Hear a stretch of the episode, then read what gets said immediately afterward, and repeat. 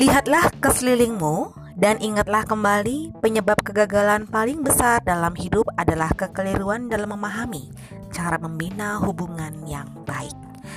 Baik, berjumpa kembali dengan Esti pada podcast kita hari ini. Kita akan membahas pada episode yang terakhir dari pembahasan buku karangan dari B. Bayu W. Ayokya, di mana buku yang ditulis adalah tips membina hubungan dengan orang lain.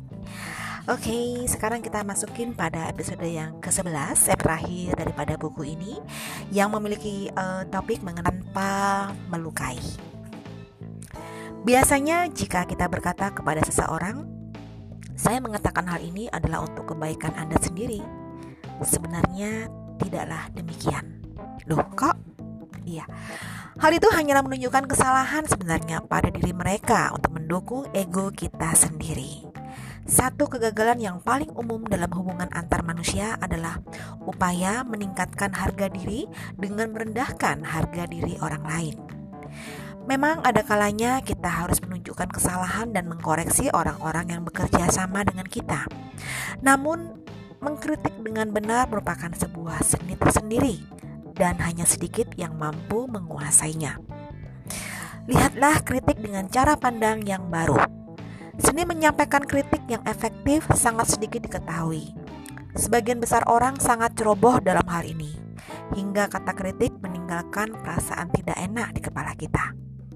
Seni menyampaikan kritik yang benar bukan dimaksudkan untuk membuat orang lain terpuruk, melainkan membangun mereka.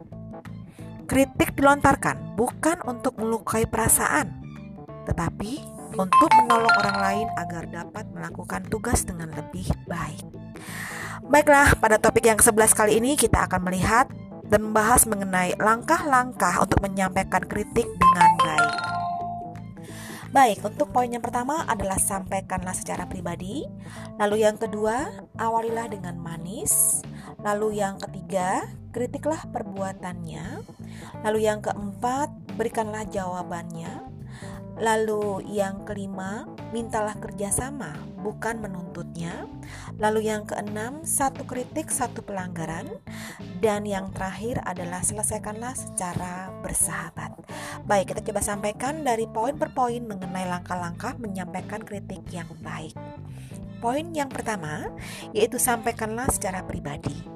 Jika kamu ingin kritikmu berpengaruh, kamu tidak boleh membuat ego orang lain untuk melawan.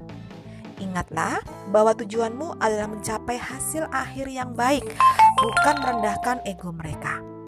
Meskipun kamu memiliki motif yang murni dan tujuan yang benar, perasaan mereka juga harus dianggap penting. Bentuk kritik yang paling halus yang disampaikan di depan banyak orang mungkin akan membuat mereka jadi jengkel.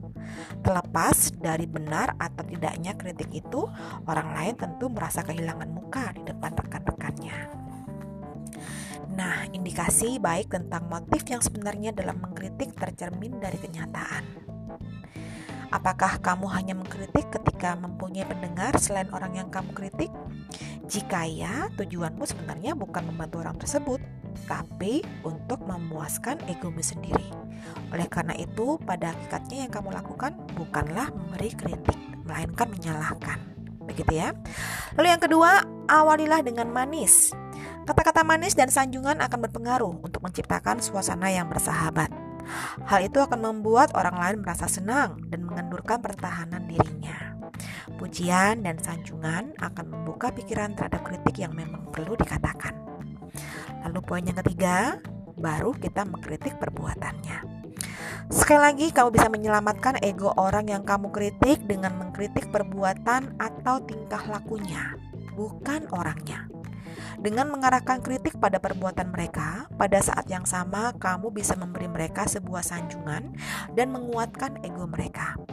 Dari pengalaman yang sudah-sudah, kesalahan ini mestinya nggak terjadi pada diri Anda. Nah, seperti caranya. Lalu yang terakhir, uh, sorry, yang keempat, berikan jawabannya. Ketika kamu memberitahu orang lain tentang kesalahan mereka, beritahukanlah solusinya. Penekanan bukan pada kesalahannya, melainkan pada cara memperbaiki dan menghindari kesalahan yang sama terulang kembali. Orang-orang tentu ingin melakukan sesuatu yang benar, dan hal itu bisa terjadi jika kamu memberitahu mereka sesuatu yang benar. Lalu kemudian berikutnya adalah mintalah kerja bukan menuntutnya. Meminta selalu mem meminta selalu mampu untuk lebih membuka peluang bagi terjadinya kerjasama daripada menuntut. Kata-katanya adalah bersediakah Anda memperbaikinya?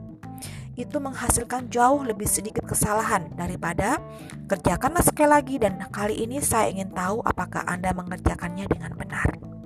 Dalam hal ini, kamu akan memperoleh sesuatu yang jauh lebih baik jika kamu merangsang keinginan mereka untuk berubah ketimbang mengeluarkan perintah agar berubah. Kemudian untuk poin yang berikutnya adalah satu kritik, satu pelanggaran. Ingatlah, tujuan mengkritik adalah untuk menyelesaikan pekerjaan, bukan memenangkan pertarungan ego.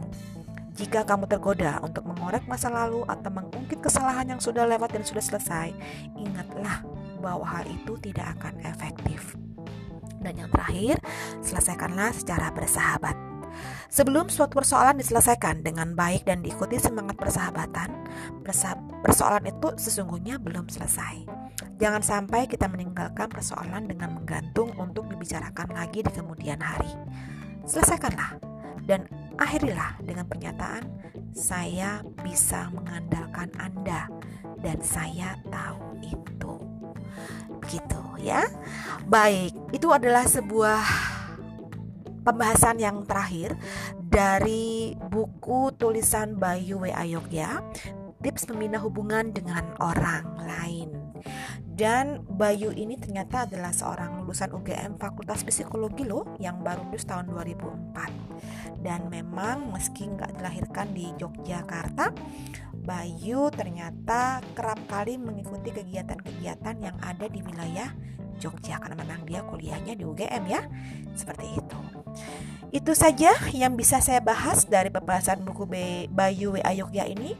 Semoga bisa memberikan hasil manfaat dan motivasi tersendiri buat yang mendengarkan podcast saya sehingga otomatis akan memberikan dampak yang positif bagi kehidupan pribadi kita secara personal dan pribadi kita terhadap orang lain. Terima kasih sudah mendengarkan dan selamat sore.